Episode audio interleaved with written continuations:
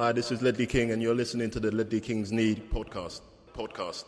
Podcast. Podcast. Ledley Kings knä, Konsekvent, inkonsekvent Ledley Kings knä, Det bästa som någonsin hänt. Ledley Kings knä, Du kommer aldrig bli dig själv igen min vän. Ledley Kings knä, Här flödar hybrisen. Ledley Kings knä, När vi poddar på nytt igen. Ledley Kings knä, Du kommer aldrig bli dig själv igen min vän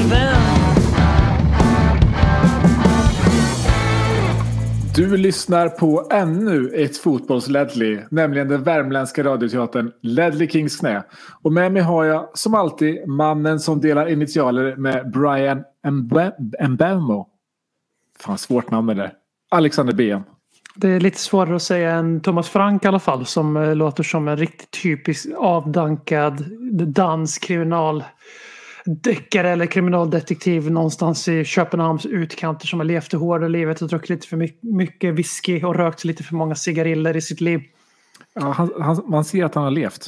Det syns att han har levt, inte riktigt på samma nivå som den här tränaren i, eh, jag kommer inte ihåg, men i Anders lag, han, Aki, han The Beast, han som ser ut som en Mm, är. Är det Wickham? Ja, men det är Wickham. Är det. Deras tränare är ju Thomas Frank om 20 år. Med 20 år av heroinmissbruk. Där har ni Thomas Frank. Ja, du, du menar eh, Akin Fenwa? Eh, Ja, Akim Femma, yes, inte han, Mm. inte han Shebe. Anders Shebe var rätt länge sedan han spelade fotboll. Det var det. I och för sig är de typ lika gamla, Akin Fenwa. Är Akin Fenwa är ju, säkert. är ju 40. Liksom. Han har ju lagt av nu. Mm, Sorglig, sorglig dag för Han är tyvärr Liverpool-supporter han så att, eh, vi, vi ska inte prata för mycket om honom i den här podden. Nej, det ska vi inte göra. Eh, det är ju landslagsuppehåll eh, lite i podden. Vi kör nu så lite mitt i, mitt i landslagsuppehåll podd. Mhm. Eh, för vi, vi vill ju inte vara borta för länge. Eh, man känner ändå lite i fotbollsintresset och, tar också lite, lite uppehåll. Eh, man är ju inte lika, eh, lika engagerad i, i, i landslagen överhuvudtaget som man är i, i i, i Premier League i allmänhet och Tottenham i synnerhet. Eh, vi har dock sett idag nu Son fortsätter sin, sin målform. Frispark. Rakt upp i krysset i 86. Ja, ändå tar han inte frisparkar. i- Det är ju det enda anledningen till att jag miss, misstror den här nya fantastiska fasta situationer specialisten Vio. För att, att han inte har sagt till Harry Kane att du tar inte en frispark till det här jävla laget. Det, det, det gör, får mig ändå tro liksom att han, är, han har fel, den här perfekta människan. Ja, sen så har vi också en liten sämre grej. Loris eh, har lämnat Frankrikes trupp eh, på grund av en skada. Eh, känns ju i och för sig när man lämnar så där snabbt. Alltså han, han inte ens gå en träning. Då känns det ju som att det inte är en skada på riktigt. Då känns det ju bara som att här, det, det är ingen idé och, och liksom. Han har lite ont, skicka hem honom. Det känns ju mer så, eller? Det luktar, luktar lite Liverpool, Manchester United och Eller hur? Arsenal-skador. Ja. Arsenal under Wenger och United under Ferguson. Men framförallt Liverpool nu under Klopp. Att man hittar på diverse svepskäl för att bärande spelare i klubblagen inte ska spela sina glorifierade träningsmatcher som det faktiskt handlar om i det här. Eh, de ska ju gasa igång nu här inför VM i Qatar. Sportkalenders absoluta höjdpunkt 2022. Det, känns, det, det är ett lite konstigt landslagsfotboll för egentligen är det ju ganska viktigt just av den anledningen. Väldigt många spelare vill spela in sig i VM-trupperna. Samtidigt känns det som ett så extremt ångestladdat landslagsfotboll också. För det, är- det är ganska många stora nationer som ligger illa till i sina Nations League-grupper som skulle eh, flyttas ner till en ganska pinsam, för dem, nivå. Men Sverige kan ju åka ner i C-gruppen. England kan åka ner i B-gruppen. Frankrike kunde inför matchen här nu som de hade igår mot, mot Österrike åka ner i C-gruppen. Det kan de i och för sig fortfarande, men det lär de inte göra. Eh, så det, det, är, det är ett ångestladdad landslagssamling som ingen vill ha, känns det som. Och som ingen bryr sig om heller. Det är, det, liksom det, är det värsta av eh, tre världar får man väl säga. Då, eftersom att det värsta av två världar hade väl varit att folk faktiskt brydde sig om det här. En, eh, tänker en grej, förutom Loris skada så händer det lite grejer i Frankrikes trupp nu. Det är synd att Pogba är skadad. För nu mitt i landslagssamlingen så har det ju det här Pogba-gate blossat upp igen. Eh, den har ju varit på gång länge där det, eh, för bara ge en lite snabb recap, det är ju Pogbas brorsa Eh, inte lika framgångsrika brorsa eh, som eh, har utpressat honom med en del eh, det är lite videor, det är lite annat smått och gott. Det som har eh, blossat upp tidigare har ju varit just det att han har använt liksom häx, häxkonst mot eh, Mbappé. Eh, och då har ju eh, Pogbas brorsa suttit i häktet nu. Eh, jag vet inte hur länge han har gjort det. Men han har ställt in någon form av Eh, bot i alla fall. Som har då sänt ut de här eh, filmerna och bevisen och anklagelserna om hans bror Paul. Som han ska ha gjort. Och då är det ju det, ena dels eh, bekräftar just det kring eller bekräftar, har bekräftat en av hans utpressningsargument i alla fall var eh, just det häxkonsten mot, eh, mot Mbappé. Eh, det var dock en match mellan United och PSG så då kan man typ lite förstå det lite mer.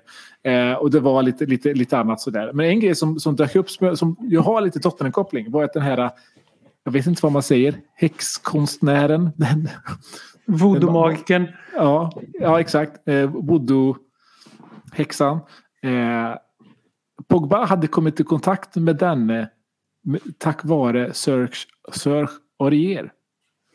Så det var han som liksom var kranen för den här voodoo-konsten. Då, känner man ju, jag- då känner man ju såklart det var. Det, det är väl klart att det var Precis, Serge. så, jävla lik, så jävla givet. Först tänkte jag, för du lobbade upp den här lite innan räck, att det hade en Spurs-koppling som jag, jag var inte medveten om den. Så jag fick så höra den här live nu. Och jag tänkte att det kan vara George Nkodu liksom. Ja. Eh, eh, bara för att det, då är det en så smal, obskyr typisk Tottenham-koppling. Men det här är ju en hundraprocentig Tottenham-koppling. Det här är ju trots allt en spelare som gjorde ett, ett gäng år och gjorde en hel del matcher för Tottenham och var väldigt omtalad och omsusad på, av olika skäl. Skötte sig ju faktiskt eh, relativt bra i Spurs, det får vi lov att ge honom. Eh, tills jag nu hör att han spenderar sin tid med att eh, utse sina, ja, inte, inte landslagskamrater där de inte eftersom han representerar Elfenbenskusten, men eh, sina kollegor i fotbollsvärlden för voodoo. Exakt, för att säga om han, om han, om, han introducerar Pogba till lite voodoo då, är det då har han ju hållit på med det där ett tag. Det är, Ja, inte, det är inte som att han liksom eh, all, ja, han vet ju vad han gör. Liksom. Och Eh, han kanske glömde betala vid något tillfälle också. Det är därför han ofta så ofta gjorde de här hårresande röda kort slash straffsatsningarna i straffområdet i onödiga anledningar. Liksom. Ja, dels det. Sen så tänker jag så här, om det nu är så att eh, Aurier har hållit på en hel del med, med, med svart magi så är det ju så att han har ju han lär ju ha använt det någon gång mot Tottenham. Jag tänker att så här, han blev ju för hans, ur hans synvinkel förmodligen ganska abrupt avklippt eh, med, med liksom brutet kontrakt etc. Jag tänker att han la en förbannelse över Nuno. Och det är därför gick så snabbt utför. Det är den enda, enda förklaringen jag har. Ja, ja, med tanke på den titan till tränare som Nuno Espirito Santo. Det bara hörs ju på namnet liksom. Och man också måste respektera hur stark den här svarta magin måste ha varit för att bryta igenom någon som liksom heter Nuno Espirito Santo. Vilket i stort sett är liksom den heliga smörjelsen på latin i namnet. Och att det ändå var så effektivt. Det tog tre, fyra veckor för magin att verka och ta sig igenom Nunos eh, gudomliga murar. Men sen när det väl var infästat där, då var det liksom, det var ungefär lika, eh, lika motståndskraftigt som eh, Middle Earth var för Saurons krafter. Exakt, och förmodligen har han också kastat en förbannelse på, på, på Emerson. Eh, som jag var anledningen till varför han fick, eh, varför han fick gå. Eh, regera alltså. Eh, och det är därför som vi än idag kan eh, dra oss i håret. Eh, utifrån vad han, vad han gör på plan. Även om han har tagit kliv framåt. Men det är... eh, Ja, jag tror sagt att det finns en förbannelse där också. Och vilar. Kan du hoppa 1,20 för att du spenderat resten av ditt liv och hoppa 90 centimeter så är, får, är det ju en seger så att säga. Eh, Det har ju hänt lite grejer på fotbollsplanen också sen vi spelade in podd senast. Eh, Och vi, eh, nu när vi har lite så här mitt, mitt i uppehållspodd så vi ska väl inte prata allt för mycket eh, om matchen så kort. Sporting, bara lite snabbt. Eh, första torsken för, för säsongen. Och jag kände ju där och då när det skedde att säga, ja, men det här var nog bra. Alltså det var skönt att den kom i Champions League. För vi, med, med tanke på hur spelet har sett ut eh, så behövde vi en rejäl väckarklocka. Och det kändes som att Conte inte fick... Eh, alltså, när, du- när du drar in poäng efter poäng så har du ju liksom inget riktigt skäl för att kast, röra om i grytan. Liksom. Och när du väl åker på din första torsk, ja, men då har du en sån. Så då tänkte jag så här, ja, men bra att den kom på Champions League, det kan vi reparera. Eh, eller vi kommer gå vidare från gruppen ändå. Vi kanske kommer till och med vinna den ändå. Det kanske inte spelar så stor roll. Eh, och så kom vi in i nästa matchen och det var fel på min livescore-app. För att jag, jag fick en notis om att säga, men nu är laguppställningen inne. Så gick jag in och kollade. Och så var det exakt samma startelva som mot Sporting. Och jag bara fan, slängde den där jävla telefonen allt vad jag hade. För det var liksom exakt, jag bara, den här killen, han lär ju sig ingenting. Conte. Med det sagt, det var ju inte jättemycket rotation ändå. Eh, det känns att kanske har han lyssnat lite på podden Conte. Vi var inne, jag kommer inte ihåg om det var förra podden eller om det var podden innan.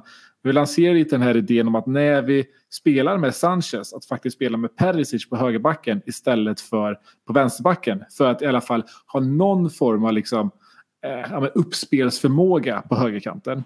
Eh, nu visar ju det sig att det gjorde inte jättemycket skillnad.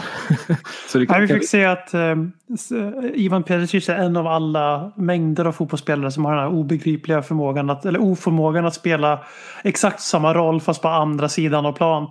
Mm. Eh, det, det, finns ju många ytterbackar genom historien. För det, när det kommer till yttrar så har det ju liksom om du antingen är en inverterad ytter nu eller så är du inte en ytter längre för den rollen är i stort sett dött ut i fotbollen. Eh, men innan det var det också så här att du spelar ju inte höger mittfältare om du var vänsterfotad och så vidare. Eh, men man tänkte ju ändå att Perisic skulle kunna göra ett gediget hantverk till höger. Eh, men det kunde han inte och jag kan inte tänka någonting annat än att den rollen är fortfarande sviten av Ariers magi där. Att det gör att man blir vilsen offensivt och man springer liksom i någon form av djungel eller Eh, vad heter den, maze, maze när man eh, labyrint när man liksom är där. Så man måste hela tiden slåss mot demoner som bara man själv ser när man är högerback i Tottenham Hotspur. Eh, och det är den enda rimliga förklaringen jag kan se till att det är så jävla svårt att göra exakt samma sak till höger när man kan det väldigt bra från vänster.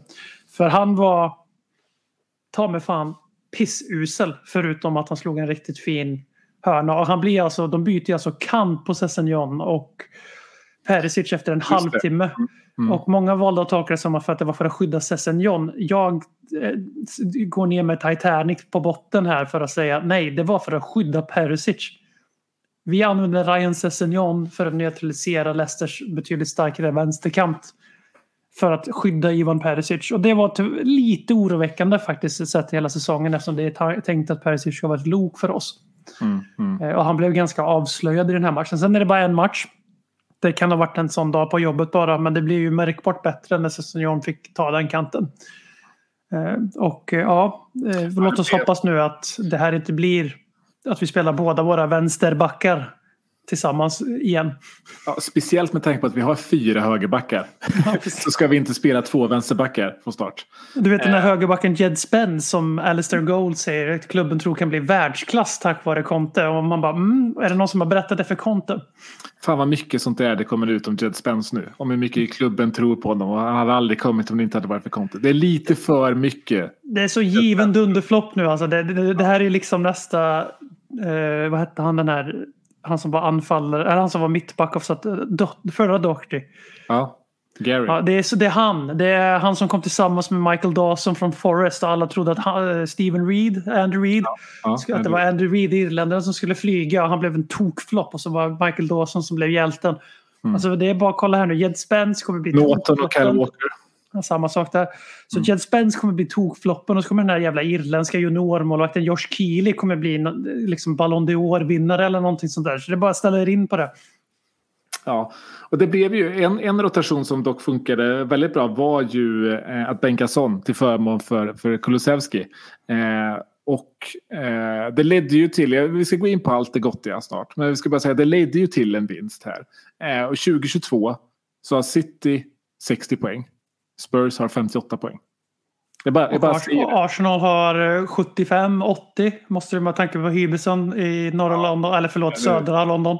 Ja, folk fortsätter vara väldigt förbryllade över hur Tottenham kan vinna matcher, hur Tottenham kan göra mål. Eh, vilket säger, ja, jag sitter inte här och är liksom nöjd.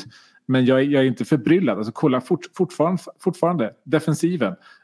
Alltså vi, i den här matchen, jag tycker det är två pissmål vi släpper in. Straffen Absolut. är den onödigaste straffen i mannaminne, förmodligen. Eh, Riktig Perisic Davinson Classic var det. Ja, men det var ju liksom eh, stolpskott på stolpskott genom hela den, den situationen. Eh, vi släpper dock till tredje flest mål i hela ligan eh, nu. Men alltså XG per skott är lägst i ligan. Så att säga, man skjuter men man skjuter inte bra lägen. Jag, jag känner mig, trots att det ser ut så som det gör spelmässigt, så är jag ju väldigt sällan orolig när motståndaren har bollen. Ehm, men i den här matchen då, så den var ju, man gick ju in då som sagt och hoppades på att se lite, lite förändring. Ehm, även om vi inte såg jättemycket förändring i startelvan så kunde man i alla fall hoppas på att se lite förändring i, i, i matchbilden just med tanke på att det har sett väldigt likadant ut eh, i, i, i de första matcherna här. Och det fortsatte ju se likadant ut eh, de första 50 minuter i den här matchen. Alltså Leicester tryckte ner eh, vår försvarsfemma eh, med en ganska bred fronttrea. Mm. Eh, som också, eh, de stod också väldigt högt, nästan lika högt med sina, med sina innermittfältare och ytterbackarna. Vilket gjorde att vi fick inget djup i vårt mittfält. Eh, Bentancur och Heiberg var tvungna att ligga väldigt långt ner. Eh, eh, för att liksom bidra i uppspelsfasen. Kane blev då väldigt ensam där uppe. Så vi kunde, vi kunde inte ställa om. Vi kunde inte gå på anfall. Eh, vi kom inte förbi. Och det är så det har sett ut i varenda jäkla match. Alltid, alltid övermannade på, på mittplan. Eh, och det... Jag förstår, alltså, varför har han tills den här matchen inte lärt sig det? Varför har vi inte hittat en lösning på det? För det är varenda lag. Det, det spelar ingen roll spelsätt, liksom nivå på manager. Varenda lag ställer upp på det sättet mot oss. Och vi, vi ser lika handfallna ut varje match. Ja, det, det enklaste svaret tror jag är att han känner att han måste ha Son, Kane och en av Dejan Kulusevski och Richarlison på plan hela tiden. Och jag förstår det ganska, för det är våra nuss som vi varit inne på. Det är där vi sticker ut. Eh, det är där vi har en kvalitet som det, det är bara City. Eh, tills Chelseas front fyra eller vad fan de kommer att leka med under Potter Eh, bevisar att de lever upp till sina rykten. Och man kan absolut inte säga så här att Arsenal närmar sig. Eh, även om det är en sällsynt skillnad på narrativet om Gabriel Jesus som är tydligen är världens bästa spelare eller Nia. Och eh, Jong Min Son som behövde 13 minuter för att göra lika många ligamål då, fram till Jesus spelade 90 minuter till sen för Arsenal dagen efter.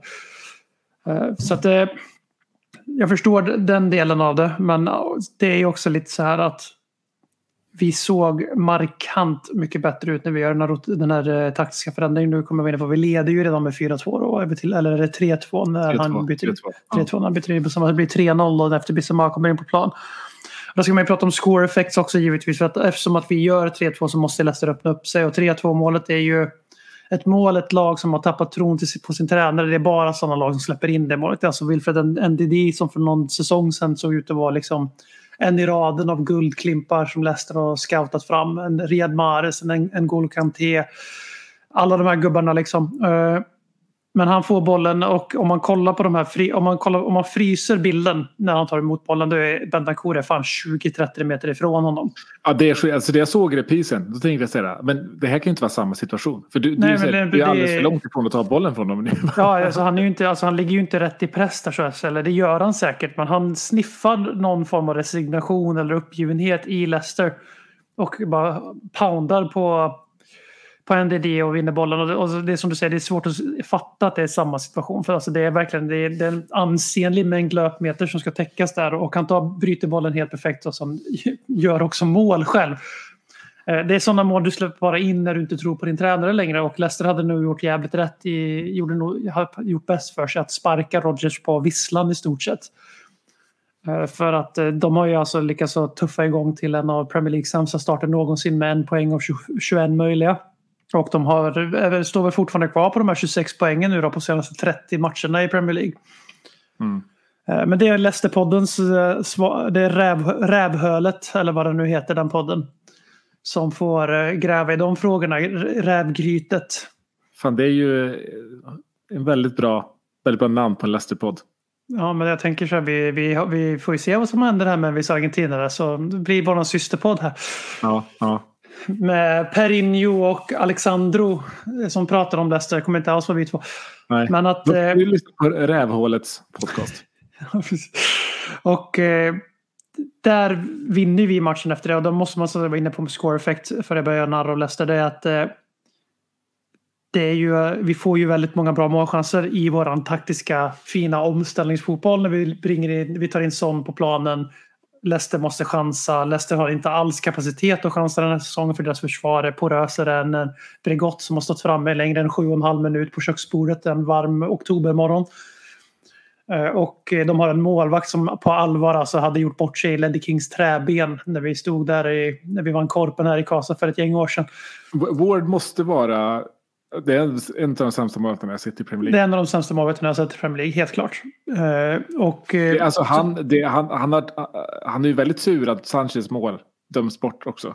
ja, ja, ja, Det är han, det är han som gör fel i hela den situationen. Ja, ja, absolut. Och det är ju, han har ju alltså släppt in, jag tror de har släppt in, de har i och för sig släppt in rätt mycket mål. Jag tror de är på 23 nu va. Sju mål fler än vad han borde ha släppt in om man sätter till vart skottavstånden är. Då får, det, då får ni också räkna med att Eh, Son, två mål i den här, två av Sons tre i den här matchen är ju helt otagbara. Men det är också ganska, ganska låg XG. Det här är ju Jongmin Son i ett nötskal. Han gör ju mål regelbundet som inte ska vara mål. Alltså det är ju det som är, det är, ju- det, det är ju det som är världsklass i Jongminsons spel. Men det går inte att komma ifrån det du började den här utläggningen om. Att det är ju att när Bissoma kliver in och vi får ett tremanna mittfält där Bissoma tydligt har rollen som sexa och Bentancourt och Höjbjerg släpps lösa. Båda två är fria åttor och inte bara Höjbjerg. Alltså vi äter ju upp NDD framförallt som då blir en mot tre när Leicester trycker upp. Och eh, eh, det neutraliserar James Madison som har en helt fantastisk match fram till det står 3-2. Och det vinner matchen åt oss. Vi vinner väldigt bekvämt. Vi vinner, vi vinner den delen av matchen med 3-0 och det är inte orättvist. Alltså det, det bör vara startet på ett 3-5-2 experiment och eh, då får Conte hitta en roll för framförallt Dejan då som den här offensiva så kallade tian som Conte aldrig spelar med. Men om vi nu skulle ha en sån. Alternativt att Dejan får spela i Kevin De Bruyne-rollen i City. Då. Han får spela centralt på mittfältet och rora sig fram över planen och så har vi Bissoma som sittande och sen Bentancourt eller Höjberg bredvid beroende på motstånd eller båda två om vi möter ett lite bättre lag. För vi såg för första gången mot någorlunda kvalificerat motstånd när man kollar på spelartrupp. Eh, så såg vi jävligt potent ut. Vi såg, det var vår match helt plötsligt. Och vi har haft sådana insatser. Vi glömmer bort det. Southampton, eh, Fulham. Det är två dominanta segrar med 3-4-3. Men det är också mot Southampton och Fulham. Det till skillnad från våran granne i södra London så Det är inte, det är inte att vi- mäktiga Leicester liksom. Nej men, vi, nej, men du missförstår mig rätt här. Men det, vi, vi låtsas inte som att de här segrarna är liksom kvitton på vår förträfflighet eftersom att det är just det motståndet. Eh, Ja. Leicester har ju på papper en markant bättre spelartrupp än Fulham och Southampton. Sen tror jag att eh, det har gått till vägs ände där och vi vet själva hur en ganska bra trupp på pappret kan se ut när en relation med en tränare är försurnat och dött. Det, det, det gör vi. Det gör vi. Det kastades en förbannelse även där. Eh, men, men på det här liksom 3-5-2 ändå. Det var ju liksom som sagt var efter. Eh, vi, gör, vi gör ju 3-2. Eh, Eller på- 58 minuten vi byter in Bussoman och sådär va? Ja, något sånt där. Eh, Det, det är väldigt bra mål där av, av, av Bentancur. Han är ju inte bara för målet, men han är ju en så otroligt underskattad pressspelare. Det är det han ska... ska det är så han ska Ja, spela. alltså hans andra halvlek mot Leicester, det, alltså hade, hade han, nu säger det, hade han liksom varit engelsman och hetat Betsson eller vad fan som helst. Olyckligt efternamn med tanke på spel och sådär. Eh, Vi är inte sponsrade av Betsson. Inte heller särskilt intresserade av att bli det om inte, ni vet. Att, eh, men han, eh, hade han varit engelsman och hetat Roger Betssons får det fortsätta. Får fortsätta vara Bentson säger jag istället. Då hade det varit landslaget direkt efter den andra halvleken. För det var alltså... Höjbjerg har haft en bra säsong och blir nominerad till månadens spelare. Men kom och ring mig, om, ring mig på andra sidan graven när Höjbjerg har gjort en så dominant halvlek som Bettan gjorde i andra halvlek mot Leicester. Ja, ja. För när, när Bissouma kommer in, precis som du säger, eh, Höjbjer och Bentancur, eller när Bissouma kommer in, det gör att Höjbjerg och Bentancur behöver inte vara med lika långt ner i uppspelsfasen. De kommer upp mer, de, de bidrar mer till omställningar. Vi, vi, vi har vägar uppåt och framåt. Precis. Absolut, Romero kommer in också, vi ska inte glömma bort Ska nog inte underskatta den skillnaden. Nej. Det var bra du tog upp det. en, en något bättre eh, spelare på att och, och spela upp bollen eh, jämfört med Sanchez. Så den spelar också in. Men det är klart, han, han är det. Vi ska ju starta honom. Så att, ser det bra ut så ska man inte förringa, förringa det. Och sen som du säger, man ska inte glömma bort att Leicester var tvungna att trycka på väldigt mycket. Det gav enorma ytor. Yes. Och vem, vem hade mer kommit in som passar i den, den typen av matchspel ganska bra? Det är Charlison. Ah, jag tänker på Jong Min Son som blir inbytt istället för Ja, du, du, men- du menar så. Ja, du menar så ja. Ehm, och, och, och då, jag, jag, ser, jag ser ju, alltså på det här vi pratade om förut, var, varför gör inte Conte eh, de här ändringarna? Det här är ju en sån ändring som löser det här problemet. Du kan inte övermanna oss på mittfältet när vi har tre på mitten. Eh, alltså, Och den, bästa, den, bästa mot, den bästa motmedicinen mot det sättet som folk har velat spela mot oss är just det vi visar upp här. Eh, men efter matchen så har det handlat väldigt mycket om att säga vi måste spela så här framåt. Det är den här vägen vi ska gå. Och där är jag ganska tveksam just på grund av de sakerna jag drog upp nu. Det var väldigt många stjärnor som stod rätt för att 3-5-2 skulle, skulle gå bra i den här matchen. Eh, sen så är det också så att ett 3-5-2, alltså har vi klagat på att vi inte har ett tillräckligt offensivt lag, ska vi då ta ut en Richarlison eller en Dejan och slänga in en Bissoma? Alltså vi har två offensiva spelare på plan då i form av Son och Kane. Eh, App, app, app, app. Och Royal. Och, och Royal. Det, ja, det säger en hel del. En och en halv offensiv spelare. det, säger, det säger en hel del. Eh, och jag är väl i, alltså, i, i, match, alltså, i vissa matcher, absolut, det kommer funka jättebra. Eh, men jag, jag är glad att, att eh, vi lyfter på den här 352 eh, lyfter, öppnar på 352-dörren, locket. Eh, för det var ju så jag hoppades och trodde att vi skulle spela när Conte kom in. Just för att vi hade ett så perfekt lag. Eh, Vi har inte ett perfekt lag för 352 men vi hade, Nej, men vi hade, om det är en 4-2-3-1 och vi sådär. hade liksom. byggstenarna för ett 352. Eh, vi hade de där olika hybrid 8-10 som jag tänkte skulle passa perfekt för Conte. Som, som, Ja, vad hette de här? använde- Lo, Lokelso och Kelso, Tongele? Eh, no, to, to, tongele. Eh, Tongela. Just det, Tongela. Mm. eh, och Belledali. Spelar, spelar i Bari, Zaragoza och Besiktas nu då. Ja, nå, någonting sånt där. Någonting sånt där. Eh, och sen så rök ju de då, då i, i januari. Så, så, insåg man, så då insåg man att säga, okej, du slänger ut alla fyra jag tänkte att vi skulle spela med. Då, Det blir nog inget 3-5-2. Ja, nej, det blir nog inte det. Eh, och sen så går vi hela den här sommaren och jag var ju ganska säker på att vi skulle ta in en offensiv mittfältare just för att kunna alternera med ett 3-5-2 på det här sättet. Och att vi då låter det gå två veckor och sen så inser vi, alltså två veckor efter fönstret stängt och sen så inser vi att vad fan, vi ska ju spela 3-5-2. Då blir jag lite så här, men vad fan.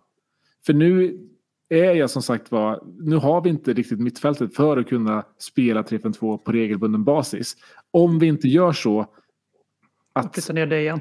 flytta ner Dejan Det antingen känns inte så realistiskt antingen- som jag ska ärlig. Nej, för han, han behöver omskolas i det. Alternativt om man gör en liten, liten tjuva lite och kör, kör dem på en wingback. Eh, det, det skulle också funka. Men då tappar vi otroligt mycket kant. Eh, jag tror att skulle vi köra ett 3-5-2 då behöver vi Jed Spence. Då behöver vi den där eh, liksom Reece James-iga eh, wingbacken som springer. För, för vi behöver från, från bakom de här fronttvåan då, som kommer vara Kane och sånt eh, så behöver vi riktiga jävla Formel 1-bilar på kanterna. Eh, så jag är lite tveksam till Kulusevski även där på lång sikt. Det är klart att han kan gå in i matcher och göra det bra i wingback-positionen. Sen är det Eh, också, om man ska vara ärlig, du är helt rätt på det. Jag inser bars iväg där. Framförallt tanken av att Dejan skulle återta den rollen han hade i Atalanta. Då. Och där spelade han ju inte så mycket A-lagsfotboll som ni vet. Han spelade inte som central mittfältare då. Han gjorde det i Primavera-laget, eh, men det är ett tag sedan nu och det är lättare sagt än gjort kanske. Men sen ska vi också vara ärliga med oss själva att om vi gör de här rockaderna då står vi... Vi har ju värvat mittfältare för att ha fyra stycken som gör samma jobb och det är ju de här sex åttorna som Höjbjerg, Skip, Bissoma och Bentancur alla är. Vi får utgå ifrån att även Pape Matasari är rätt bekväm med den rollen. Eh, Skulle vi däremot flytta upp dem så att säga så vi har en sexa då har vi ju sexor så det räcker. Då har vi Skip och Bissoma. Bissoma är ju kanske ofta upplyft för att han ska spela högre upp i planen men precis som Moussa Dembele verkar han vara bättre ju längre ner i banan han spelar. Eh, Och eh, det som framförallt skulle hända om vi skulle ta ner Dejan till det här centrala mittfältet är att vi skulle få se väldigt lite speltid på Skip förmodligen. Men vi skulle också bara ha tre spelare som har någon form av kvalitet över från mittplan och det skulle passa Richarlison att vara en av tre anfallare. Det är ju ingen ovan roll för honom. Men vi skulle stå och falla med att Son och Kane är friska hela säsongen eftersom att annars skulle det vara Lucas Moura som ska in och spela anfallare. Eller så skulle vi spela någon form av så här pyramid scheme i upp, uppställningen från mittlinjen och framåt. Så vi, vi kommer nog stanna i ett 3-4-3. eh, I alla fall i utgångspositioner. Även om det främst har sett ut som ett 5-2-3 den här säsongen. Ja, och sen kan vi göra så, jag menar, eh, allt är inte svart och vitt heller så att säga. Men svenska landslaget nu testade 4-3-3 förra samlingen. Nu går man tillbaka till 4, eh, 4-2 i, i defensiven. Man ska köra 4-3 offensiven. Ja, ja nej, men Det det, är klart att liksom, vi kan göra det och att här, eh, i en defensiv uppställning så, så, så, så tar Bentancourt den platsen Bissoma hade nu och, och, och, och, och eh, Dejan går in lite mer centralt då. Eh, men vi måste ju se någon form av sån förändring i alla fall. Och- ja, någon, tak, och- någon tackningslutning, ja absolut. Mm. Vi, måste börja, vi måste börja ta kontroll. Alltså, jag tror att Conte tycker vi har kontroll. Jag är ganska säker på, och han har nog förmodligen rätt, för vi som sagt vi släpper till mycket men jag, är som du, jag är sällan särskilt orolig eh, i, i anfallslägen. Eller försvarslägen för oss. Jag tror därför att Conte är ganska bekväm i det här, liksom som vi har varit inne på väldigt länge, att vi är ett andra halvlekslag under Conte. Det är både för att han känner av matchbilden men också för att han låter motståndarna göra sin grej i ganska stor utsträckning. För de kommer inte till så mycket farliga mål. Det här är inte som förra säsongen eller i början på Contes reign vi hade många matcher där XG var ganska högt emot oss men vi lyckades hålla igen på grund av heroiska insatser. Utan nu är det mängd XG vi får emot oss och det ju, går ju inte riktigt att... Alltså Hugo Lloris är ganska bra på reflexer. Han är ganska bra på att rädda skott. Han har andra brister i sitt målvaktsspel men att rädda skott det kan han. Han är ganska duktig. Ja, och, eh, så jag tror inte att Conte delar våran stress särskilt mycket och det tycker jag det märks på honom också. Att han, för han är, han är ju ganska lätt ilsk. Så hade han varit väldigt missnöjd med våra prestationer då hade det märkts eh, mer än vad det har gjort. Eh, inte bara i justeringar mellan matcher och förändringar i spelarmaterial och så utan även i- på presskonferenser. Och jag tror att det är en vanesak för oss Tottenham-supportrar att det här är inte Mourinhos Tottenham som också det kunde se ut så här att vi låg ganska lågt och spelarna och motståndarna trillade boll runt oss och vi hade inte bollen så mycket som vi är bekväma med. Vi blev ju ganska bortskämda under en ganska lång period under Maurizio Pochettino. Med att vi kunde vara både väldigt bra och äga matcherna på ett underhållande sätt. Eh, så jag tror att man eh, gör bäst för sin egen mentala hälsas skull. Att man, börjar, att man arbetar på att släppa de här bilderna av att Tottenham ska vara roliga och att vi kanske börjar acceptera det som lillebror Arsenals supportrar är väldigt snabba på att prata om och det är att vi är så jävla tråkiga att titta på. Eh, och den här säsongen så får jag ju lov att ge dem rätt. Däremot så har jag också sett Contes Tottenham spela den mest offensiva och målrika fotbollen i hela England under en vårsäsong för inte så länge sedan. Så jag, är inte heller, eh, jag tror inte heller att det här är toppen på berget. Det här är inte toppen av våra prestationer offensivt vi har sett hittills. Så vi Nej. gjorde ändå sex mål mot Leicester. Så att det är liksom så här, och vi gjorde fyra på Southampton. Vi borde gjort sex på Fulham. Vi hade fyra i nät till exempel. Så det är så här, sanningar med modifikationer så att säga. Ja, och alltså jag, är inte, jag är inte på något sätt liksom upprörd. Eh, alltså när jag tänker på hur det ser ut. Jag är inte upprörd över bollinnehav. Eller liksom Nej, nej, nej. Jag, jag skiter i det ganska mycket. Jag, jag tycker att omställningsfotboll, eh, alltså fin kontringsfotboll uppskattar jag minst lika mycket som liksom tiki-taka possession. Eh, Possess, det- Possession är bara kul om man har en, eh, en tanke med sin spelinnehav. Alltså mer, mer, jag är mer team Klopp innehav, bollinnehav än vad jag är Pep Guardiola bollinnehav. Ja, men absolut. liksom. Ja, 100 procent. 100 procent. Men det jag är orolig för är ju just eh, att det är så tydligt att vi, vi, vi inte kommer ur våra startblock eh, från försvarslinjen. Vi, vi, vi blir övermannade på mittfältet. Eh, Mm. För den vi, delen är inte vi kan- taktiskt vi kan inte Det finns inte en chans att det är taktiskt. Det, det är någonting vi inte vill ska hända. Nej, ska Man kan inte ställa kontrings- om om man inte får bollen förbi första pressen. Liksom. Det är ganska svårt. Exakt. Ska du spela kontringsfotboll så måste du komma till kontringar. Mm. Och det har vi inte gjort. Ehm, men ett, ett annat genidrag som vi inte får glömma här är ju som sagt var att ha petat eh, sonen. Eh, som går in och ja, vad tar det till första målet? Han gör ju 3 på 13, det är allt jag kommer ihåg. Ja. Eh, när, han, när han gjorde det första målet eh, från, från ingenstans. Eh, det säger ganska mycket om hur mycket yta han fick när han liksom får vara en, en mot två från mittlinjen. Liksom. Det är Eh, sån vi pratar om, skyttekungen liksom. ja. Han gör Eh, alla sina mål ser ut sådär. Alla hans mål ser ut sådär. Men Ja. bara, men låter han springa in till straffområdeskanten, det blir nog en bra idé. Nej, men jag, jag skrek ju på den, för han såg ut som att han hade sjabblat bort den där situationen. Jag, jag hann ju skrika jävla idiot. innan han sköt upp den i klykan. Liksom. Och min sambo satt bredvid bara så här. Fan, du kan ingenting om fotboll. Bara, Hon, ja. hon har rätt. Hon har rätt. Hon har rätt. Hon har rätt. Nej, men så, han visar ju i den situationen vad som har varit frustrerande med Son den här säsongen. Och också varför han är eh, sån jävla världsklasspelare. Vad fan är bäst i hela världen. Ja. Och eh, ska begravas med... Han ska fan, hans begravning ska vara större och pampigare än Lissis.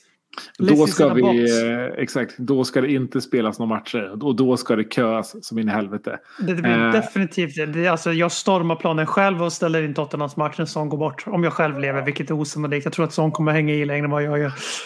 Han är ju, han börjar ju faktiskt bli nu, jag har funderat på det här. Men är han den 21. spelare i, i, i Tottenhams historia som man känner mest för?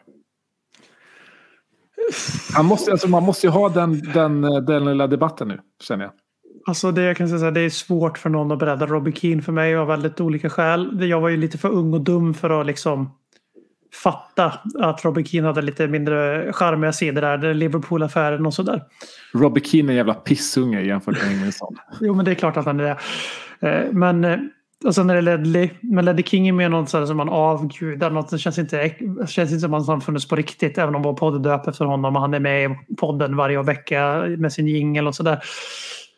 Men det är, alltså det, sån är någonting speciellt. Alltså, jag är dock lite så jag väntar tills han jag väntar tills det börjar gå emot honom ordentligt. Det, det gick ju fort för folk att vända ryggen mot. Där inte jag, jag stod fan mig fast vid masten och jag följer med, jag med Titanic ner även den här gången.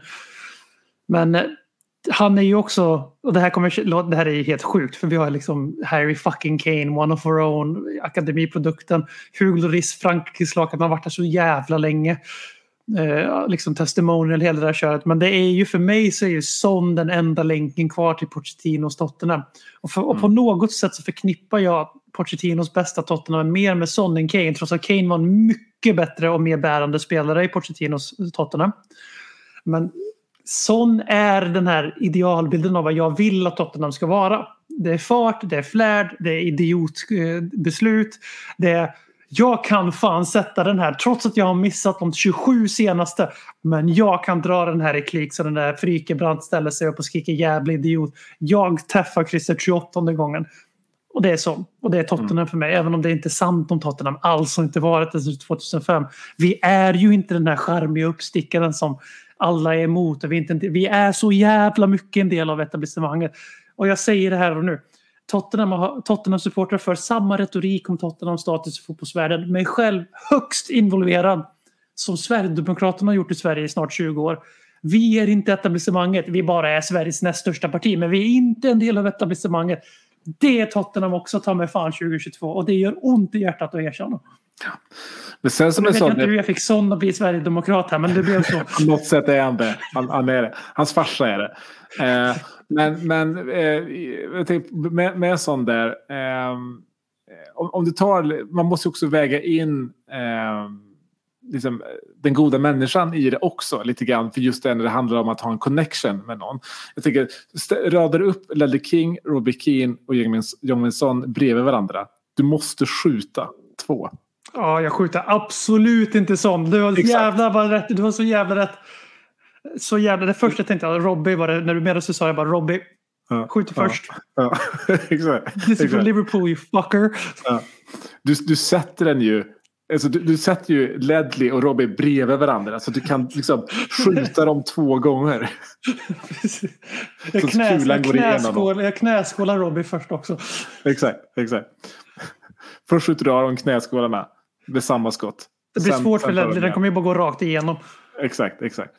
Ja. Eh, alltså, och sen andra målet då med vänsterfoten är ju väldigt också symptomatiskt för Son eh, just nu. Sen början av fjolårets säsong. Han har gjort 26 mål.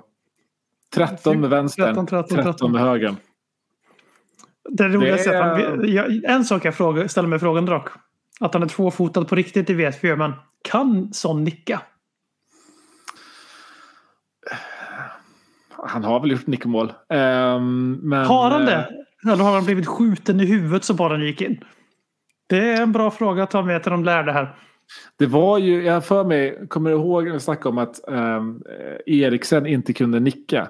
Och sen så typ matchen efter någonting så, eh, så blev jag skjuten i huvudet så att den gick in. Det kommer ju ske samma sak med Son. Nej, är han en nick? Nej. Alltså, han har ju, alltså när jag tänker på honom. Känns, Son känns som att han har dålig spänst. Ja, Visst gör det? Ja, det är också, du är inne på att du säger liksom så här, Sons senaste 26 mål. 26 mål! 13 med Ja. vänster, 13 med vänster. Han har gjort 26 ligamål och ingen av dem har varit en grisig jävla halvmeter från mållinjen nick. Alltså det är så jävla sjukt när man tänker efter. För Ja. han spelar, det vet alltså han spelar ju anfallare. Dejan spelar ju högerytter men Son är ju anfallare. Ja, absolut. På papper så är han ibland ute på vänsterkanten men han är ju betydligt centralare än vad Dejan är ibland. plan. Dejan har ju i och för sig Emerson Royal och lastas med ute till höger. Den här teorin om att den som spelar på högerkanten framför Dejan gör alltid poäng. Den fixar ju en jävla törn där mot eh, Sporting. Om man säger så. Det, det var det helt plötsligt eh, inte så... Det var inte så enkelt att bara hoppa in och göra poäng på den kanten tydligen. Nej, och, och sen så, alltså med det här, even, en eventuellt transition mot 3-5-2, det gynnar ju sån otroligt. Alltså 3-4-3 är ju inte en bra formation för honom. Ett 3-5-2 handlar ju bara om att ge sån bollen. Det gör ju det. Det handlar om att ligga Ja, lågt, det handlar om att kunna kontra snabbt. Det handlar om att ge sån bollen. Alltså en 3-5-2 handlar bara om att optimera såns egenskaper. Eh, så jag kan absolut tänka mig att vi, vi fortsätt så här. Börja med sån på bänken. Kör 3-4-3. Eh, när vi känner att Kan matchen vi, kan vi arrangera en träningsmatch före North London Derby och peta Son ifrån den? Kan vi be Sydkorea peta honom i nästa landskamp? Någonting. Vi måste, vi måste, någonting måste vi göra. Ja. Han är ju, var, alltså, han har ju verkligen träffat helt rätt nu i, i, med, lä, med helt, vad, vad snackar jag om? I, bra timing är det jag vill säga i alla fall inför, inför North London Derby. Ehm, det, det, det vore ju kul. Fatta, för nu har fatta, ju, fatta Contes Big Balls aura. Där det storkukslugn. Om han kliver in i North London Derby. Kriter upp elvan i omklädningsrummet. Tittar på Son. Och så bara... Mm, mm, och så skriver han. Dejan Kulusevski. Son har gjort Exakt. ett hattrick på 13 minuter. Son hoppar in i halvtid. Det här är ju taktiskt och Conte. Son, hopp, Son blir inbytt efter... Nej, sju minuter därför blir han inbytt för Roy Emerson. Dejan ner på högerbacken. Son gör sju mål i North London Derby.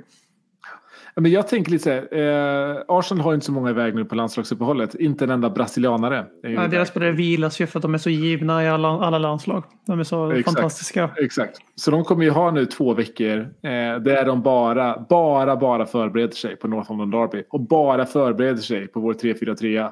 Vi går in 3-5-2. Äger Ja, jag, hoppas, jag hoppas det. Det är ju... Ja, det var länge sedan man har velat täppa till truten på dem så här lika mycket i ett derby. Inte, för att, inte bara för att vi blev helt förnedrade förra året på deras hemmaderby. och Sen förnedrade vi dem ännu hårdare tillbaka på vårt hemmaderby. Men de flyger ju rätt högt nu och eftersom att de inte har tagit, kryssat någonting. De har ju faktiskt förlorat den matchen. Det kan man ju inte tro när man eh, hör snacket om hur Arsenal är bäst i världen. City är City och alla bara tar för givet med, själv, med själv inkluderat att de kommer vinna ligan med 20 poäng. Och Tottenham är usla. Att åka dit och tvåla dit dem skulle inte göra ont i själen. Nej.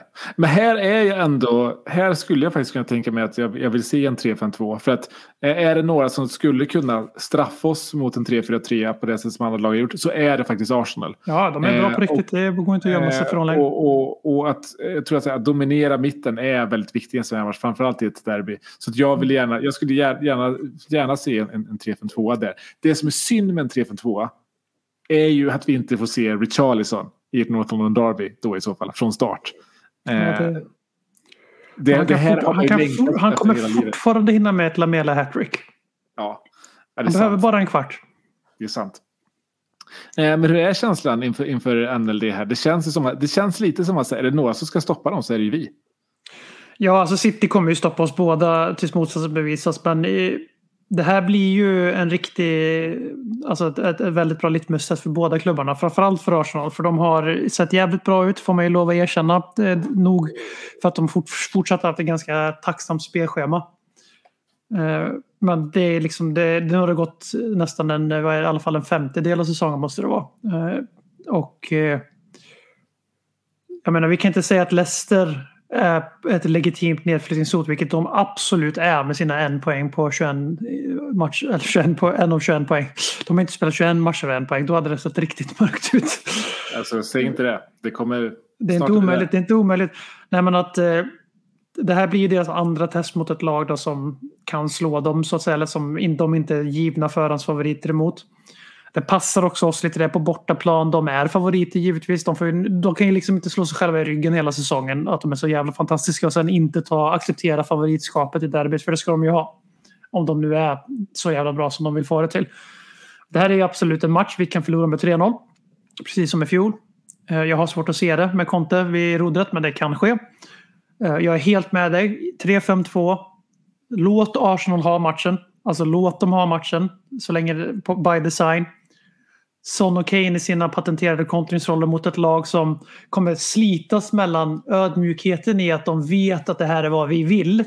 Att de ska vara aggressiva, gå högt och spela tiki-taka, pang, pang, pang fotboll. För att vi vill att de ska göra det för att kunna ställa om på dem. Eller om, de kommer, om Arteta är tillräckligt slipad. Han har ju faktiskt, och det, får- det måste till och med den mest lagblinda Arsenal-supporter erkänna. Han har ju inte ett särskilt imponerande track record mot Big Six. Alltså det, det är inte jättestarkt direkt, även om man har några fina vinster i, där också. Men han skulle behöva vara så kall så att istället för att spela eh, Tottenham Ramsor på träningsanläggningen inför matchen så föreslår jag honom att säga till sitt lag att vi är hemmalag. Vi förväntas vinna. Det här är ett derby och han gör den här ritningen på tavlan med hjärta och hjärna och allt det där. Att han istället bara Tottenham vill att vi ska göra så här. Att vi ska anfalla, vi ska gå högt i press, vi ska lämna ytor bakom backlinjen. Son kommer springa, ni vet vad som händer. Ni har sett den här filmen förut. Alla Premier League-lag har sett den här filmen förut i sen Mourinhos tid. Ge dem inte den. Ge över taktpinnen till Tottenham. Och helt plötsligt så ser vi ganska handfatt, hand, handfallna ut tror jag, tyvärr. Så det här blir en jävligt taktisk duell. Och jag vet vem jag tar med mig in i ringhörnan varenda gång av hundra. När det gäller Antonio Conte och Mikel Arteta. Även om Arteta börjar att leva upp till sin hås. I baby steps. Så det här är, kommer bli en match som avgörs av vilken tränare som får den matchbild han vill ha. Och jag tror att eh, Tottenham ska, Tottenham ska ha den här fantastiskt vackra italienska cynismen i sig. att Vi skiter i om det blir 0-0 och inte händer ett jävla piss på hela matchen. Vi är på bortaplan mot ligaledaren. 0-0 är fine by me. Verkligen. Alltså, dels, Utmana Arsenal till att vara det laget som gör dumdristiga saker. Var inte det laget själva bara för att det är derby. nej, men verkligen. Dels vill jag säga, Tottenham tar ju självklart en, eh, tar ett kryss i den här matchen. Det är klart man ska göra. Bortaplan mot Big Six. och- och- Alltid godkänt.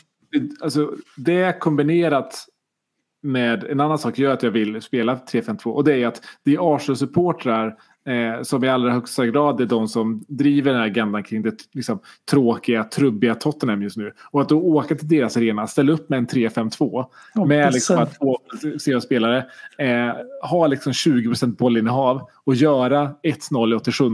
Jag menar, det, där vill jag dö. Där vill jag dö. Chef's kiss. Nej, det kommer, eh, det, det kommer ske. Det kommer Vi ska, ske. vi ska vara mer George Graham på Emirates än vad George Graham någonsin var för, för Arsenal på Highway. Ja. Highbury. Sak samma. Eh, eh, eh, Demolerad skit båda två. Ja, på tal om de här världskapsspelarna och, och lite landslagsuppehåll. Jag vet inte om du såg Kanes citat här nu eh, som var från, jag kommer inte ihåg några presskonferenser eller någon intervju, men han pratade om sin nya, eh, han har ju, han har ju vi, vi, känner till hans his- historia med, med, med hans eh, eh, ankel, fotledsskador. Eh, och det har han inte, vi gick ju hela förra säsongen och bara väntade på den, den kom inte. Eh, vi är Alla den- som lyssnar tar i trä. Ja, vi går nu och tänker samma sak. Och han pratar lite om det där. Eh, och att han har tagit in då en, en, en egen privat fysioterapeut från Spanien som är hos honom ja, varje månad eller varannan månad. Eller något sånt där, som tränar väldigt mycket med hans eh, eh, hamstring. Då, för att hans, hans fotledsskada har gjort att han har spelat lite på ett annat sätt. Som har gjort att det, belastat hans hamstring. Som har gjort att han har fått känningar och skador där. Så en liten ond spiral där. Och enligt honom så känner han nu att med den här nya tränaren att de här problemen med fotleden och hamstringen, han känner att han inte har det längre. Famous last words. Eller hur? När spelar England? Ikväll. gör någonting för att agera, Conte agera. Ja. Men det här, det, det här, Orier har ju sett det här. Han går in, han agerar ju nu. Nu, nu, ligger vi jävligt... Han är ju Arsenal-supporter också. Arier, Ja. Så vi säger så här. 3-5-2, Richarlison och Son på topp. Det är vad det kommer bli i North London Derby. Alltså, gärna. Det, det är ju faktiskt, om, om, vi, om vi tänker i termer Fan av vad man spelare inte man på gillar. förhand. Fan vet om man inte tar det på förhand. Alltså. Ja. Ställ, ställer upp Son, Richarlison och Kane bredvid varandra och jag måste skjuta någon så skjuter ju Kane. Först. Ja, ja, det, så är det ju. Det, det, är liksom, det är inte ens en diskussion. One for all. Ehm, en grej som också dykt upp lite i veckan med lite, eh, lite rykten. Det är ju vår kära, kära Antonio Conte. Ehm, Juventus går ju minst sagt knackigt. Eh, vi var inne där på att det är konstigt att inte Rodgers har fått sparken än. Förmodligen för att de inte har råd. Samma situation är det med Juventus. Att han sitter ju på kontrakt till 2025. Ja, något så är sinnessjukt. är det. Eh, ryktas om att det skulle kosta 150 miljoner euro att sparka honom. Eh, Bra business Juve. Bra business Juve. Jättebra, jättebra av er. Man frågar sig så här, vad gjorde Allegri mellan tiden i Juve och tiden i Juve för att han skulle vara värd ett sånt jävla dunderkontrakt? Mm. Eh, Och då frågar jag dig så här lite, eh, ni kom in på Ale-grillen, det var inte riktigt meningen. Men då vet ni, har ni ett smeknamn på Allegri för alla som undrar. Men vad gjorde han mellan de här, de här två jobben, Per, som har gjort att hans marknadsvärde har flygit så förbannat? Ingenting. Du har helt rätt. Ja, jag tänkte... Han, jag, jag läser då hans karriär här. Jag hoppar över alla eh, bonka-lag som ni hade hört talas om. Han är i Sassuolo, han är i Cagliari, eller Cagliari. Han är i Milan, han är i Juventus. Han tar sabbatsår, han är tillbaka i Juventus och har ett jävla så här, titan... Titansäkert, skottsäkert, betongsäkert, sprängningssäkert kontrakt. Och man undrar bara, Juve, vad i helvete? Det finns, in, det finns inkompetens och så finns det inkompetens. Och, ju, och italienarna är fan bäst på båda sorterna. Ja, vi snackat mycket om så här dålig business eh, under säsongen. Jag menar, eh, eh, Nottingham har, har stått för en, en del av det. Eh, United likaså. Men det här toppar ju allt, allt det. Ja, Att du, absolut. alltså, sam, samma person som du kände för ett år sedan att säga, nej, men han, han är inte tillräckligt bra. Han ska Ja, han lämnar Två senare 2019. känner att säga, ja, men det här är fyra, fyra års kontrakt. Jag är glad. Ehm, nej, det är eh, skitsamma. Jag bryr mig inte om Juve. Men nu har det ju kommit lite, eh, lite rykten om att Conte skulle vara sugen på eh, att hoppa på det jobbet där han väl ryker. Eh, jag känner väl kanske att så här, eh, dels känner jag så här, ja, varför ska, varför, varför ska Juventus ta tillbaka en gammal tränare, tänker jag då. Och så, utan, utan att tänka på att det var exakt det, det, det de gjorde alldeles nyss. Eh, Tuchel känns ju faktiskt som en ganska bra fit för dem. Men, men som sagt var, de, de sysslar ju inte med bra business. Så det är väl lite Tuchel har bra Juve-aura. Ja, men det, det känns, jag kan absolut se att eh, Juve går för Conte. Jag kan se att Conte skulle vilja trivas där. Det är såklart någonting helt annat än att faktiskt eh, gå dit. Så. Men jag, lite orolig är man ju. Det har också kommit lite rykten nu under, under dagen idag. Vi spelar in på fredag. Att, att eh, Conte i själva verket eh, skulle vara väldigt sugen på att, att stanna och signa ett nytt kontrakt. Och jag har ju alltid trott att det ligger ett nytt kontrakt där eh, och, och kan signas. För det är ju så att kollar du i ja, men, vart som helst annars förutom i fotbollsvärlden får du liksom två miljarder att investera. Ja, men nog fan ser du till som, som, som företag i Tottenham då att ha någon form av garanti på att människan som ska göra någonting av den här investeringen kommer vara kvar. Jag menar, det är därför du har lock-in-perioden när du köper upp företag. För att du vill få ut någonting av din investering det måste finnas någon form av sån överenskommelse. Eh, man kanske inte har skrivit ett avtal direkt. Det kanske är någon form att man istället har lagt- in en, en option i, i, i nuvarande avtal att, att, så, så, som klubben kan aktivera eller liknande. Men jag har ju svårt att tro att det skulle vara slut efter den här säsongen. Speciellt också med tanke på hur han pratar nu. Han pratar ju, det är ju vi, vi, vi. Eh, han pratar långsiktigt. Jag, jag köper inte de här ljuvryktena riktigt än. Jag tror att, det är, att Conte kan tänka sig båda alternativen. Men att Juve är ett eh, fallback för honom. Att eh, om det, alltså han har en historik, eh, Antonio Conte, att sätta press på sina arbetsgivare. Mm. Eh, Och vid enstaka tillfällen har han, har han eh, råttet varit, måttet varit rågat och han har lämnat sin arbetsgivare. Senast var ju Inter i en väldigt spektakulär situation där jag faktiskt förstår Antonio Conte för de säljer ju alltså av hela centralstommen i hans titelvinnande lag som hela det projektet gick ut på att bryta Juves titeltorka. Det- Den, på Allegris bekostnad. Eh, man lyckas ju med det och det har följts upp av att Milan vinner ligan och i år så ska det ju jävligt mycket till att det ska bli något annat än att det ska bli Juve som vinner ligan. Det skulle vara tre eller till och med fyra år i rad där Juve inte vinner ligan.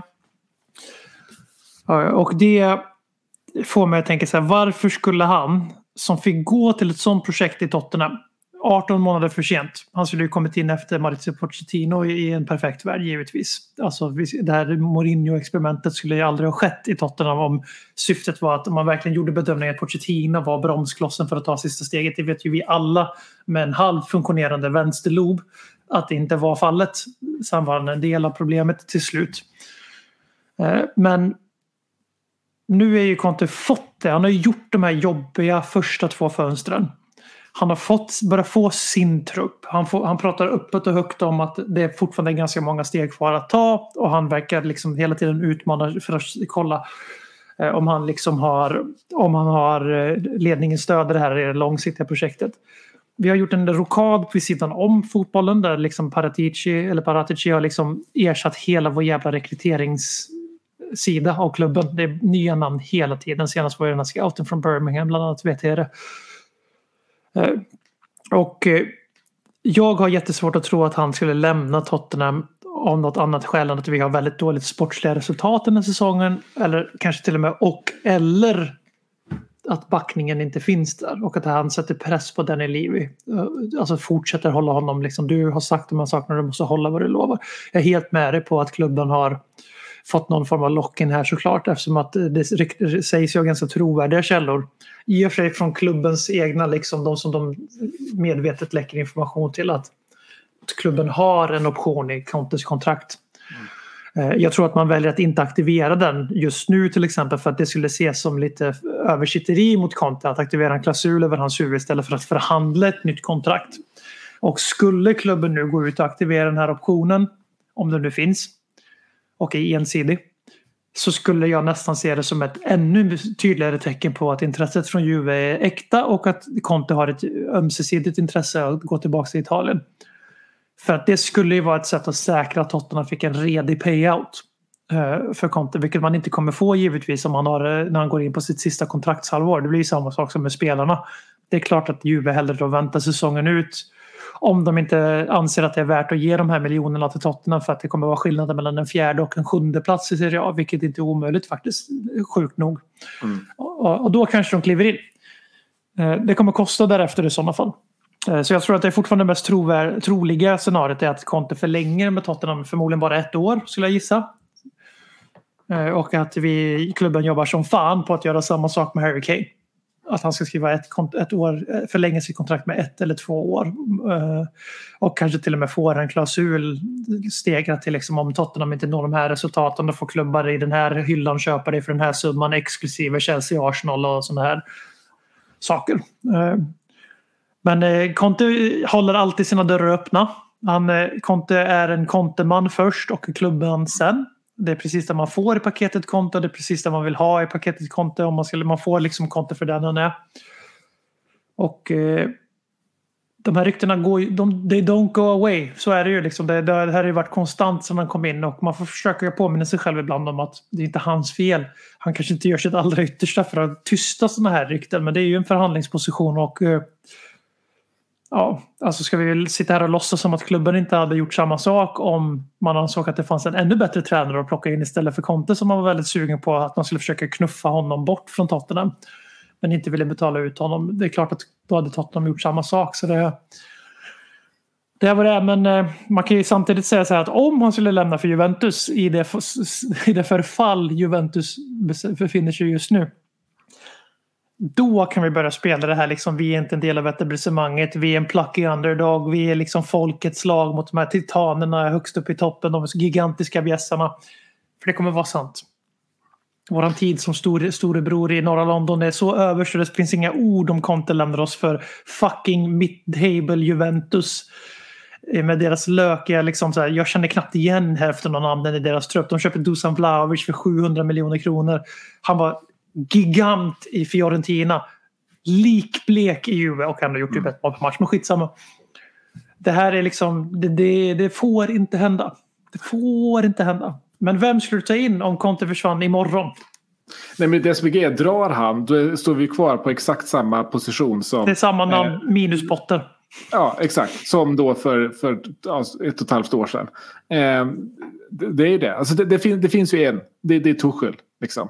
Ja. Eh, men, men i övrigt så finns det. Nu, nu är det så här, ja, men De Serbi går, går till eh, Brighton. Eh, han hade kunnat vara på den listan till exempel. Eh, men i övrigt så finns det ju inga fler namn ute. Nej, nu, du rycker ju inte Amorim från. Sporting under säsongen. Det tror jag inte. Nej, och han är väl där. Han kommer ta ett stort kliv nästa säsong. Eh, men eh, frågan är om det här är ett kanske lite för stort kliv. Och jag vet inte om Ja. Tottenham vågar vara den klubben heller. Alltså vi, för vi, vi skulle ju behöva hitta nästa stortränare. Mm. För att det, annars är det bara Tuchel och där vet inte fan om han eh, går till Tottenham bara någon månad efter han lämnar. Chelsea-tränare brukar komma till Tottenham efter ett och ett halvt, två år efter de har varit där. Inte två månader eller två veckor efter man har varit i Chelsea. Så att jag har svårt att se. Och han är ju annan. Sen är det ju på allvar liksom avetablerade tränare tillgängliga nu. Då är det ju Poch. Men det är fortfarande för tidigt för en Ritorno. Även om det inte kanske är så i Italien där det är ganska vanligt faktiskt med Ritornos. Dock oftast i de lägre skikten om man ska vara helt ärlig. För, ja, typ Juventus. Ja, det har jag sant. sant. Men, eh, och jag, jag, alla vet att jag gärna ser Pochettino komma tillbaka till Tottenham någon dag i framtiden. Men jag tror inte att, jag tror inte att det projektet går att göra med Harry Kane, Jong Min Son och Hugo Lloris fortfarande i truppen. Det går liksom inte. De, alla tre måste vara borta. Det måste vara en helt ny trupp som inte ingen av dem har haft Pochettino förut. När vi ska göra nästa, liksom, okej nu måste vi vara unga, vi måste vara spännande, vi måste vara modiga, vi måste vara fröjdiga. Eh, då kan vi ta in en Pochettino igen. För det är den, det är den tränaren han är. Det har visat sig liksom, nu, får han, nu har ju hans eh, eftermäle och hans rykte blivit alldeles för till, eh, tillskansat av tiden i PSG där han gjorde samma resultat som Tuchel förutom att han förlorade en semifinal i Champions League medan Tuchel gick till en final och var chanslös. Liksom, det är skillnaden på deras PSG-perioder. Eh, och Tuchel hade ju inte Fifa 21-laget deluxe på planen där man har tre spelare som inte gör en meter i försvaret som Pochettino behövde dras med. Men han är ju en tränare för klubbar som vill ta steget upp till högsta hyllan. Inte, klubb, eh, inte, inte spelare som är mätta, redan badar i titlar och anser sig vara värda någonting eller redan har åstadkommit någonting. Eh, och därför tror jag att han skulle, det skulle vara ett sällan skådat fel läge att plocka in honom just nu. Jag förstår att man gick dit efter Mourinho. För då insåg man att man kanske hade valt fel väg. Man hade helt fel bedömt Tottenhams bana. När man trodde att det var tränaren som bara tar vi in Mourinho och vinner samma trupptitlar. Nope, it didn't. Men eh, nu är det så här, nu är det ju dit vi är på väg igen. Conte håller ju på att ges en helt annan kredibilitet i att vi kommer kunna vinna titlar. Vi är en storklubb. Harry Kane har slutat strejka. Son eh, hur, eh, är kvar. Loris skriver nytt. Alltså liksom alla de här grejerna. Då bara, nej men nu tar vi in den här projekttränaren igen. Det, det, du kan inte göra ett mer effektivt sätt att döda liksom, ambitioner och drömmar i hos Kane. Tyvärr. Nej, och det känns ju lite som att på samma sätt som Pock förde oss till en annan nivå rent tränarmässigt. Att vi kunde gå från Pochettino till, Till till. Mori, till Mourinho då först. Alltså vi hade ju inte kunnat gå på Mourinho innan Pochettino. liksom. Nej, det hade vi Eh, och på absolut samma inte. sätt har ju Conte gjort det. Att säga, skulle han dra, ja, men jag ser det som fullt möjligt att Tuchel skulle kunna komma in. Eh, Ja, om det, hade- det inte är det idag. han Ja, det inte. tror jag också. Bara det inte, han- inte precis nu, för det är för Nej. nära Chelsea tror jag. Men alltså, Exakt, ge det till exakt. juni, absolut. absolut. Sen så säger en hel del också om hur bra rekryteringen av De Serbi är för, för Brighton. Efter att de här ryktena om Conte till Juventus kom ju efter att De Serbi hade skrivit på för Brighton. Och Mm. det var ju ganska många Juventus-supportrar som grät då. För att de har ju velat ha De Serbi väldigt mycket. Mm. Eh, och där kan vi verkligen snacka om att Potter har tagit dem till en annan tränarnivå. Det är inte Ja, som att De de är- Serbi hade Brighton gått är till Brighton innan Potter. Liksom. Nej, inte, inte, alltså, inte ens, alltså, det finns ju inte ens på världskartan. Det är egentligen ganska sjukt när man tänker på det. Att De Serbi Ja, ja, det här är ju en klubb som trots allt blev på 14 plats förra säsongen. Va? Något sånt där. Det var deras bästa säsong i historien på väldigt... Nej, nej, nej. De kom fan topp 10 till slut va? Det är säsongen innan de blev på 14 plats eller något sånt där. Ja, skitsamma. Det är en var mid-table nia- club som... i fjol, va? Ja, men de är en mid-table club som är på, alla vet att de är på en bana som är jättefin och det är inte bara Potter. Men han har absolut lyft upp dem ett par hyllor. Och det är det som gör att när Conte går, för det kommer hända, det är ju bara en fråga om när i hans fall och det är det för alla tränare. Men Conte, får vi mer än tre säsonger av honom, vilket är typ standardlängd nu på framgångsrika tränare, så är det tre säsonger. Det därför ställer ju ännu mer i sitt ljus hur, hur sjuk den perioden med Pochettino var. Alltså liksom att det var i sex år. Och de var väldigt framgångsrika fem och ett halvt av de åren. Det, jag tror vi underskattar hur, hur osannolikt det är. Vi har Arteta som kommer komma upp i det, men då får vi vara ärliga. De första åren var inte så jävla kul. Eh, Nej, och, de eh, första, första liksom, fyra åren. Precis. Eh, Och Conte, Conte liksom, han kommer ju göra så till exempel om en Nagelsmann skulle få lämna Bayern München. Som absolut inte är omöjligt. Jag tror inte det är nu, men det är absolut inte omöjligt. Skulle han inte vinna ligan då ryker han. Om inte han samtidigt vinner Champions League kanske. Nej, alltså, fortsätter de gå så här så är nog, de nog ganska sugna på Tuchel också. Ja, och då, då ryker ju Nagelsmann så istället till. Och då skulle vi, vi var ju hög på honom. Vi, han har varit på vår lista i evigheter men det var aldrig särskilt nära. Vi var ju närmare med Flick visade det sig då än vad vi var med Nagelsmann. Nagelsmann hade tränat Leipzig, ett jävla hittepålag i Tyskland. Contes eh, signatur gör att Nagelsmann absolut skriver upp Tottenham på topp tre på sin lista som det ser ut just nu om det blir lediga jobb. För vilka skulle det annars vara? Sevilla om ett par veckor. Jag tror inte han är assugen på det om Tottenham är ett av alternativen. Eh, Juventus. Jag vet inte om det är fördomar men jag har svårt att se eh, Nagelsmann flyga i Juventus med sin liksom extremt annorlunda filosofi med U23-spelare, springa ihjäl er, gegenpressing, bla bla bla. Så att, eh, Nej, jag kan inte se honom i Italien. det är, det, här liksom, det, är, det är en ytterligare en hiss. Vi gick från Pochettino, projekttränare, till en förlegad titelgarant. Men eh, ryktet är ju, Mourinhos rykte är med all rätt högre, kanske i alla fall var högre än vad Pochettino så det är väl diskutabelt hur det ser ut om några år. Men med all rätt liksom på en högre hylla. Alltså för vad han har gjort i sin karriär. Conte tar ju upp oss två, tre hisssteg till för han var ju en av världens bästa tränare när han kom. Eh, Och eh, eh, det är tyvärr för min del exkluderar ju alla de här spännande projektnamnen som Amorin i Sporting eller Geisler eller vem fan som helst för att de kommer inte vara tillräckligt stora namn för Tottenham när Conte bestämmer sig för att lämna. Och nu hör ni min katt äta mat nu. Ja, mysigt. Han ser, har, har, har du ställt kattmaten högst upp på en byrå? Ja, Han måste få stimulans. Ja.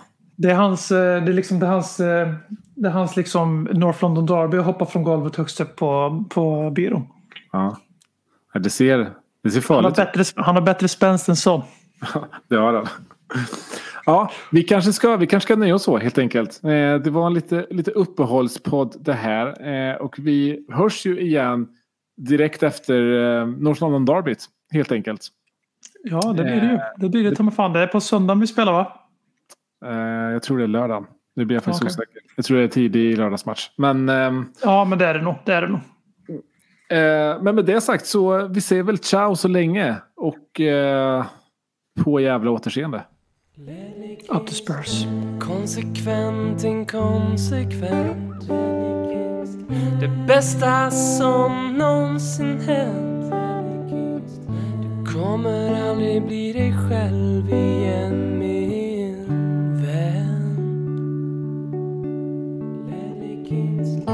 här flödar hybrisen. När vi poddar på nytt igen. Du kommer aldrig bli dig själv igen.